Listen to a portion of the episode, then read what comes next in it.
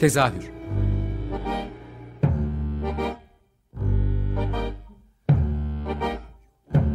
İstanbul tiyatro hayatı üzerine gündelik konuşmalar. What keeps mankind alive?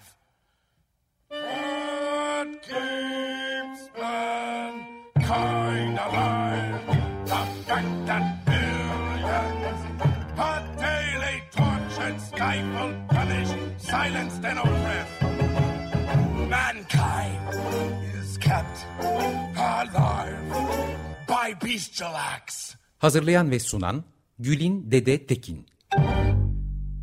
Tezahürden herkese iyi akşamlar. Bu hafta tezahürde Gedik Sanat'ın İstanbul Gedik Üniversitesi ile birlikte kurguladığı Kadının Sözü Var projesinin ikinci ayağı olan tiyatro kısmını konuşacağız.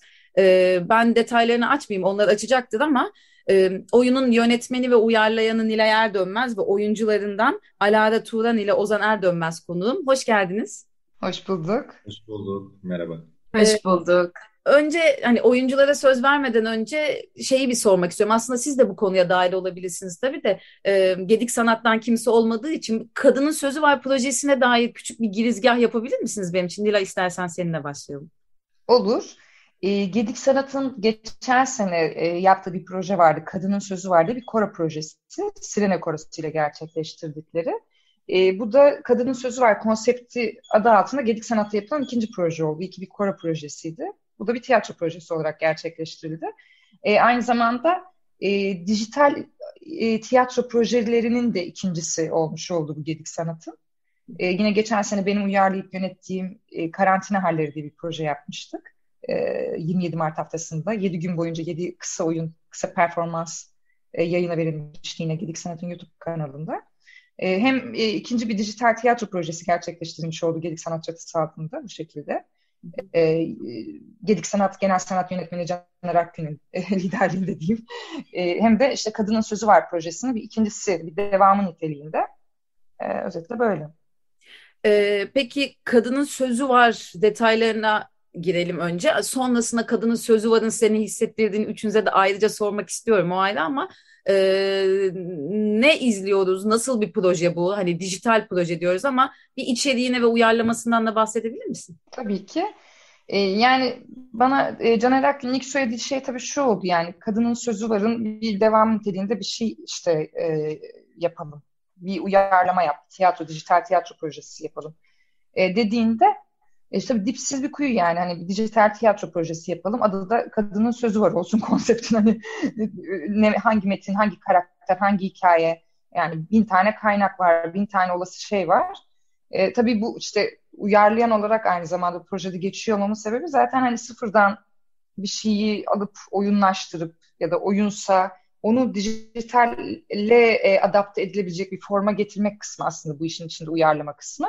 Yani burada Tamam ama e, hassasiyet yani e, konuya uygun bir şey bulmaktan ziyade e, başlığın ne olduğunu biraz araştırmakla başladı bende. Çünkü yani kadının sözü var diye bir başlık e, ne demek? Yani kadının sözü var ne demek? Yani işte ne bileyim çıkıp e, söyleyeceği her şeyi sırasıyla tıkır tıkır söyleyen yani bir kadın görsek hani bana kalırsa o cümlenin içi boşalıyordu yani. Benim yola çıkışım biraz böyle oldu. Yani kadının sözü varsa ki var e, bu söz yani cümle gereği, cümlenin kendi hani yapısı gereği söylenmemiş olması gerekir. Yani söylenseydi o kadın ya da kadınlar tarafından e, kadının sözü var diyemezdik. Ama bir yandan da e, hassasiyetim e, acıyacağımız ya da işte izlediğimizde vah vah sözünü söyleyemiyor görüyor musun yazık zavallı kadın diyeceğimiz bir hikayenin e, hayatın içinde varsa da e, gerçeklik e, hayranlığıyla ya da gerçeklik işte gerçekliğin peşinde koşarak o kadının tekrar işte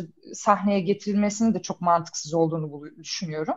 E, yani ne sözünü söyleyemeyen bir kadını vah vah deyip izleyeceğimiz bir hikaye olmalıydı bana göre. Bu olmamalıydı yani. E, ne de çıkıp da işte kadının sözü var. Bakın sözler de bunlar bunlar bunlar dediğimiz e, bir e, kadınla karşılaşmaktı beni çeken. Yani e, öyle bir şey olmalı ki diye hayal ettim kendi kendime. Yani bir hikaye e, belki e, seyircisine kadının o söylenmemiş sözlerini söyletse keşke. E, tıpkı hayatın içinde olduğu gibi yani. Hani işte bir cinayeti görüyoruz. işte ne bileyim ben bir şiddet olayını görüyoruz kadına karşı. E, kadının işte selfiesini görüyoruz bir tane Instagram'da.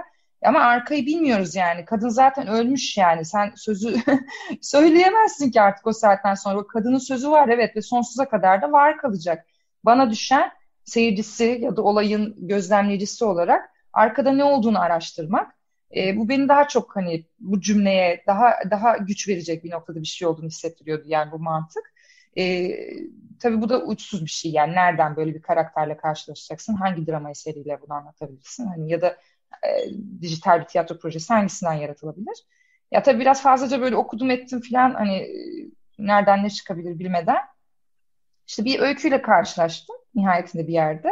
Gaye Boraloğlu'nun e, Ömrüm Oldukça öyküsü. E, orada işte Alara'nın oynadığı e, Nur Hayat e, konuşmuyor. Yani çok ağır bir şey yaşıyor. E, ne yazık ki işte yani sistematik olarak bin yıllarca şiddete maruz kalmış bir kadın. İşte nefsi müdafayla sonlanıyor hikayesi filan. E, ama biz bunu bence işin güzel bir tarafı da bu. Çünkü e, kadınları e, anlatalım, işte kadın olmanın zorluklarını dile getirelim derken e, biraz görece olarak yani içinde bence şiddeti biraz e, barındıran bir şeye gidiyor zaman zaman tepkiler. Yani erkekler de çok e, haksızlığa da maruz kalıyor gibi hissediyorum. Yani ya da en azından bir dünya idealize, idealize edeceksem öyle bir şey olsun ki yani erkek sözcüsü olsun ya hani bu konunun erkek de kadın kadar hassasiyetli birlik içinde yani el ele kaldığımız bir yer yani olsun en azından sahne alanı. E, ve öyküde diğer güzel şey bence işte erkek karakterin işte çocukluğundaki bir anı Nur Hayat abla ve gazetede görüyor e, onun haberini yıllar sonra bir gazetede görüyor. Ve bütün süreci aslında adamın ağzından dinliyoruz. E, bu bir de şu anlamda çok çekti beni. E, ne bileyim ben işte bilmem ne Avrupa'nın bilmem ne ülkesindeki bir kadının e, kadın hakları ile ilgili dile getirebileceği bir takım şeyler ya da getirmiş olduğu bir takım şeyler bugün bizim ülkemizde de geçerliliğini koruyor olabilir ama Türkiye gibi ülke bir ülkede yani e, ne bileyim e, İstanbul Sözleşmesi adı verilmiş bir, bir şeyin yani e, bir sözleşmenin adı İstanbul Sözleşmesi. Yani bu kadar bizim ülkemize işaret eden, bizim bize işaret eden bir şeyin hani bu bu toprakta olan bir şeyse bu bu konu buranın derdini biraz daha anlatabilmek. Çünkü e, tamam mesela ünlü biri ya da işte ne bileyim ben e, sınıfsal olarak biraz daha bir gücü arkasında tutan bir kadın şiddete uğradığında şu özgüvene sahip yani. E, kendi işte yüzü gözü morarmış selfiesini çekip işte Instagram'a koyabiliyor, basında yer bulabiliyor, çıkıp işte e, bununla ilgili sonuna kadar hakkını savunabiliyor ama konu orada değil ki. Konu bin tane mahallenin içinde kapının arkasında sessizce şiddete maruz kalıp dişini sıkıp oturan ölüm korkusuyla işte ne bileyim ben e, çocuklarını görememek korkusu, bir şey korkularıyla işte yani hayatlarını sürdürmek zorunda kalan hem psikolojik hem ekonomik şiddet yani hem fiziksel şiddet e, hepsini birlikte aslında yaşayıp göğüsleyen sesini duymadığımız kadınlar. E, bunun altında da bence tamamen ve tamamen sosyolojik ve toplumsal nedenler var. Onu da bizim kültürümüzü biraz görerek e, düşünebiliriz diye düşündüm. E, ve öykü bize bunu da veriyor. Çünkü bir altın gününde altın annesinin altın günlerine gelen bir kadın. Altın günü çok bize ait bir şey. Yani e, çok çok bizden bir şey. Ee, sonra e, bir üçleme yapmaktı niyet zaten. E, bunu da işte yine böyle e, metinleri okurken işte şey Adalet Ağlı'nın işte evcilik oyununda e, kadınların işte gün buluşmaları var. Komşular günlerde buluşurlar. İşte onu yakalayınca dedim ki yani bu ömrüm oldukçadaki işte günleri burayla birleştirmek yani birbirine iç içe geçirmek işte bu karakterleri Nur Hayat'ı ve işte e, bizim işte öykümüzdeki oğlanı alıp işte Adalet Ağalı'nın işte kadınlarının günlerinin evlerine götürmek ya da işte tam tersi o kadınları komşu kadınları alıp işte bu altın günün içine sokmak gibi bir fikirle ilerledim. Sonra böyle bir üçleme ortaya çıktı. Böyle bir adaptasyon ortaya çıktı. Ee, senin kaldığın yerden aslında oyunculara söz vereyim. Ee, sıralamaya göre vereceğim. Alara seni en sona bırakacağım gibi olacak ama önce bir Ozan'a sormak istiyorum. Yani bir şey sormak istiyorum. Hani Nilay da biraz bahsetti ama hani bir erkeğin bu e, kadının sözünü seslendiriyor olmasıyla karşılaştığında bu metin sana geldiğinde hissettiklerini sormak istiyorum. Bir de oyuna dair e, hislerini. Bir e, erkeğin e, ağzından ya da bir erkeğin gözünden diyelim e, hiç konuşmayan bir kadının e, ya da metin içinde hiç e, konuşmasına bile yer verilmeyen bir e, kadının hikayesini e, anlatmak e, ben hani Ozan olarak e, her şeyden önce his olarak söyleyeceğim bunu acı verici. E, çünkü e, daha demin yayında söylediği gibi hani e, bu ülkenin dinamiklerinde var olan e, kadına verilen değerden e, aslında e, anlaşıldığı üzere e, hiç de aslında bizim kendi oluşturduğumuz küçük e, dünyalarda e, döndüğü şekilde dönmüyor. Yani bu çevrelerde e, hikayede anlatılan e, durumlar ve e, tam anlamıyla hani bu anlattığımız hikaye aslında Türkiye'nin dinamiğini oluşturuyor. Yani bugün kadın cinayetlerine baktığımızda ya da kadınların yaşadığı problemlere baktığımızda e, tam olarak görüyoruz ki e, güncel haberlere baktığımızda tam olarak görüyoruz ki e, aslında bu bu ülkenin dinamiğini oluşturan e, bir e, sorun. E, bir e, insan olarak hadi kadın erkeğe geçiyorum yani insan olarak bu hikayeyi anlatıyor olmak da e, benim için çok gurur verici.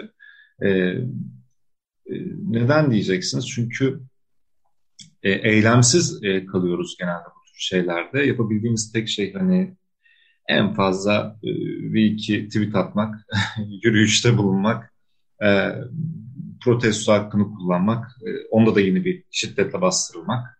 E, ama bu şekilde bir derdi anlatıyor olmak çok çok gurur verici benim için. Proje bazında baktığımda da yani hiç konuşmayan bir kadının hikayesini anlatmak ve e, o kadının bütün hayatının hikayesini e, anlatırken onun anlatmak istediği şeyleri e, ifade ediyor olmak hakikaten benim için çok güzel bir şeydi. Peki Alara ya da tabii ki tam söylediğin yerden şunu soracağım. Yani hiç konuşmayan bir kadını e, aslında e, gerçekten büyük bir şiddetin az önce Nilay'ın saydığı birçok şiddetin içerisindesin ve sonunda şimdi spoilerlarını da çok vermeyeyim ama e, başka bir şeyi işaret ederek yapmak istediği şeyi yapan ama bunu bir haber olarak öğrendiğimiz ama hiç sesi çıkmayan bir kadın figürüsün orada ama bir sürü şey söylüyorsun o hiç konuşmayan halinle. Sen Metin'le karşılaştığında ne düşündün? Ya benim için çok etkileyici oldu. Yani Gaye Boraloğlu'yla da yeni tanışmış bulundum Nilay bana söylediğinde projeyi bahsettiğinde. Sonra bütün e, öykülerini de okudum. Benim için şu çok çekici oldu. Nur Hayat hepimizin aslında yani bu kadar büyük bir trajedi yaşasa da yaşamasa da hepimizin ne bileyim bir akraba buluşmasında, bir cenazede, bir işte kutlamada herhangi bir yerde karşılaştığımız karakter yani çok tipik yani her zaman karşılaşırız. Çekingen, içine kapanık, acaba ne yaşıyor kendi içinde dediğimiz birileri hep vardır yani hayatımızda. E, ve bu her zaman zaten daha merak şeyimizi yani merak etmemizi sağlıyor böyle insanlar ve böyle bir kadının bu tip büyük, ağır bir koşulda yaşıyor olması gerçekten benim için çok yani çok heyecan vericiydi. Hiçbir şey yapmıyorsun, konuşmuyorsun, kendini ifade edebileceğin hiçbir alan yok ama öyle bir şey yaşıyorsun ki kimsenin görmediği duvarların arkasında ve en nihayetinde böyle bir şeyle sonuçlanıyor. Bana tabii ki e, ilk olarak Çilem Doğan'ı hatırlattı. Yani hepimize hatırlatmıştır illaki. Onu seyrettim biraz. E, bir iki programa katılmış etmiş. Onun halini, tavrını gözlemledim. Çok garip yani çok başka bir şey tahayyül ediyoruz kafamızda. Çok dolu, çok hisli, işte sürekli böyle hislerini inanılmaz inanılmaz e, eforlu bir şekilde size aktaracakmış gibi geliyor. Hiç öyle değil halbuki. Hiçbir şey yapmıyor. O kadar o kadar olağan bir şeymiş gibi anlatıyor ki çünkü onun hayatının gerçeği bu ve bunu yaşamış, bu başına gelmiş, bu artık bizim düşündüğümüz kadar büyük bir şekilde tezahür et yani yaşadığı acının büyüklüğünden bahsetmiyorum ama hissizleşmiş yani. Tamamen nötrlenmiş ve olayı anlatıyor. Duygulandığı yerlerin bile ne kadar acı verici olduğunu, en ufak bir gözü de olsa ne kadar ne yaşadığını sen oradan çok rahat hissedebiliyorsun. Biraz onu gözlemledim. Yani böyle yaşadığını da, duygusunu da, yaptığını da her şeyi sahiplenmiş. Aynen öyle, aynen öyle ve çok dik duruyordu ve çok e, yaptığı şeyden yani pişman değildi demek istemiyorum ama öyle çok şey yaşamış ki ya ben onu o o bizi anlıyor ben onu anlayabildim izlediğim zaman hani asla yapılan şeye hak vermek değil söylediğim hani yanlış anlaşılmasın ama çok anla, anlayabildim onu yani ve o halinden tavrından ötürü anlayabildim. O yüzden de hakikaten e, canlandırmak çok çok başka bir deneyim oldu benim için. Yani bizim zaten hassas noktamız kadına şiddet hassas noktamız, kadının toplumdaki yeri hassas noktamız. Biz bu konuda hakikaten bir oyunculuk bile bazen yapamıyoruz. Geçen gün sette bile aynı şeyi konuştuk. Neler neler anlatıyoruz ama kadına çocuğa bir şiddetle alakalı bir şey anlattığımızda oyunculuktan bağımsız bir şey oluyor. Hepimizin zaten şurası hakikaten kanıyor yani. Ee, ve o yüzden Ozan'la beraber oynamak da çok baş. Biz okul arkadaşıyız Ozan'la. Hakikaten bambaşka oldu yani. Nilay da çok güzel yönlendirdi o anlamda. Birbirimizi gözünün içine bakamadığımız anlar oldu. Ee, çok fazla verdiğimiz o acıyı biz yaşamadığımız için biz işte onu o kadar dengeleyemiyoruz yani. Çok çok fazla verdiğimiz yerler oldu. Nilay bizi e, dizginledi. Yani benim için çok çok farklı ve keyifli bir proje oldu ve bu hikayeyi anlatmaktan çok çok mutluyum yani.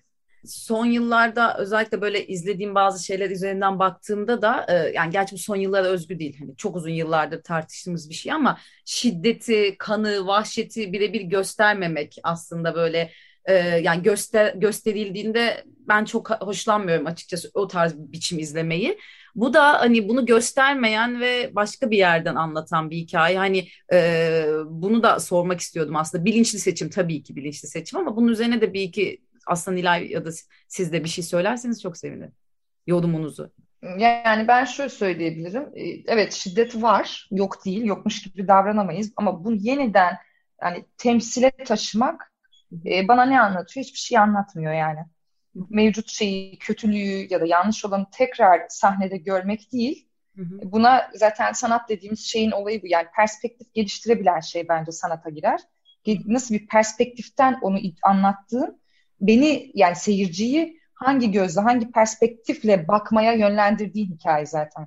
Burada da ben bunu uyarlarken tamamen metni hani adapte etme sürecinde seyircinin yani bakan kişinin gözünün kafasının tartışabileceği bir perspektife her şeyi, her lafı, her anı yerleştirmeye çalıştım. Yani Nur Hayat'ın nasıl dayak yediğini, Nur Hayat'ın işte o nefsi müdafasını nasıl gerçekleştirdiğini falan anlarının hiçbir önemi yok. Olayın nasıl geliştiğinin de bir önemi yok. Zaten hepsi boş laf. Yani onları da neticede bu ne bir öykünün içinde net olarak görebiliyoruz ne de oyunun içinde net olarak görebiliyoruz. Aslında ne olduğunu. Konu o değil ki. Konu başka bir şey. Sen bunu tartış yani. İzleyen bunu tartışsın. Ya bu kadına bu yapıldı, bu neden yani aslında diyoruz işte kadın cinayetleri politiktir yani kadına şiddet politiktir. E, politik olanı ben oturup üzülerek algılayamam, ağlayarak da algılayamam, duygularla hiç algılayamam zaten, öfkeyle de algılayamam. Hiçbir şeyler değil. Oturup düşünmem gerekir. Yani düşün, düşüneceksin. Yani burada da öncelikle koymaya çalıştığım şey işte sahnelerken yani oyunu e, bu perspektifi yaratabilmek. Yani mesafeli bir yerden acıyı da hissedip fark ederek evet. mesafeli bir yerden acıyı da hissedip fark ederek tartışabilmek meseleyi yani. Düşünebilmek üzerine. E, son iki dakikamız hani Ozan'la Alada'nın da varsa son sözleri onları da duymak isterim. Hani üzerine saatlerce konuşabileceğimiz bir şey. Hatta işin teatral yanını, dijital olması vesaire hiç konuşamadık bile. E, siz son sözlerinizi söylemeden şeyi de söylemek istedim. Hani dijital e, yani ekrandan oyun izlemekle adam çok iyi değil ama e, sizin ikinizi de e, izlemekten çok keyif aldım. Bunu özellikle burada söylemek istiyorum. E, sonrasında size son sözlerinizi vereyim. Ozan istersen senden duyayım. Evet, teşekkürler bu geri dönüş için. Çok sağ olun. Çok mutlu etti e, bu söylediğiniz şey. E, Alara ile birlikte zaten e, o anda hani e, her ne kadar dizginlenemesek de ama dizginlensek de bir şekilde e, elimizden gelenin en iyisini yapmaya çalıştık. E, dijital e, tiyatro konusuna gelecek olursak da bu bizim için de sanırım birazcık yabancı bir şey ve zor bir şey.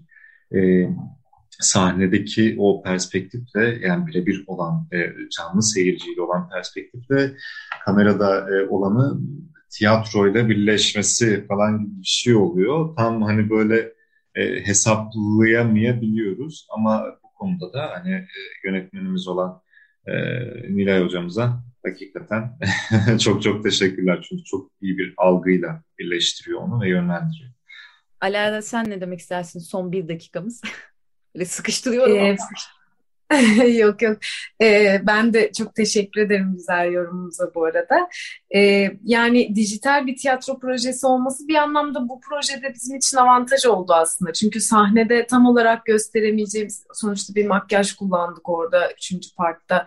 Gö- gösteremeyeceğimiz, hani daha görsel bir şekilde anlatmak istedik. Çünkü dediğiniz gibi e, birebir bir şey göstermedik yani. Sadece çağrıştıran ve herkesin e, zihninde ne olmuş olabiliri anlatacak bir şey göstermeye çalıştık. Bu anlamda tabii ki dijital bir proje olması bize yardımcı oldu. Ama sahne üstünde olmak, hep beraber olmak, öğrencilerle de beraber olmak bambaşka bir hissiyat yarattı bizde. Çok teşekkür ederim böyle sıkıştırılmış bir şekilde kadın konuştuğunuz için benimle yani ve tırnak içinde tabii söylüyorum bunu. Ee, umarım yani YouTube üzerinden izleyenleri de çok olur diyorum projenizin. E, bu yayın 9 Mart'ta yayınlanacak Dünya Kadınlar Günü'nden bir gün sonra. E, sen Çilem Doğan'ı da andığın için aslında şöyle de kapatmak istiyorum. Yani bütün kadın yoldaşlarıma kirpiniz yere düşmesin diyerek kapatmak istiyorum. Çok teşekkürler konuğum olduğunuz için. Biz teşekkür Çok ederiz. Çok teşekkür ederiz. Çok teşekkürler. Çok da güzel ve anlamlı bir günde yayınlanacak. Ne mutlu bize.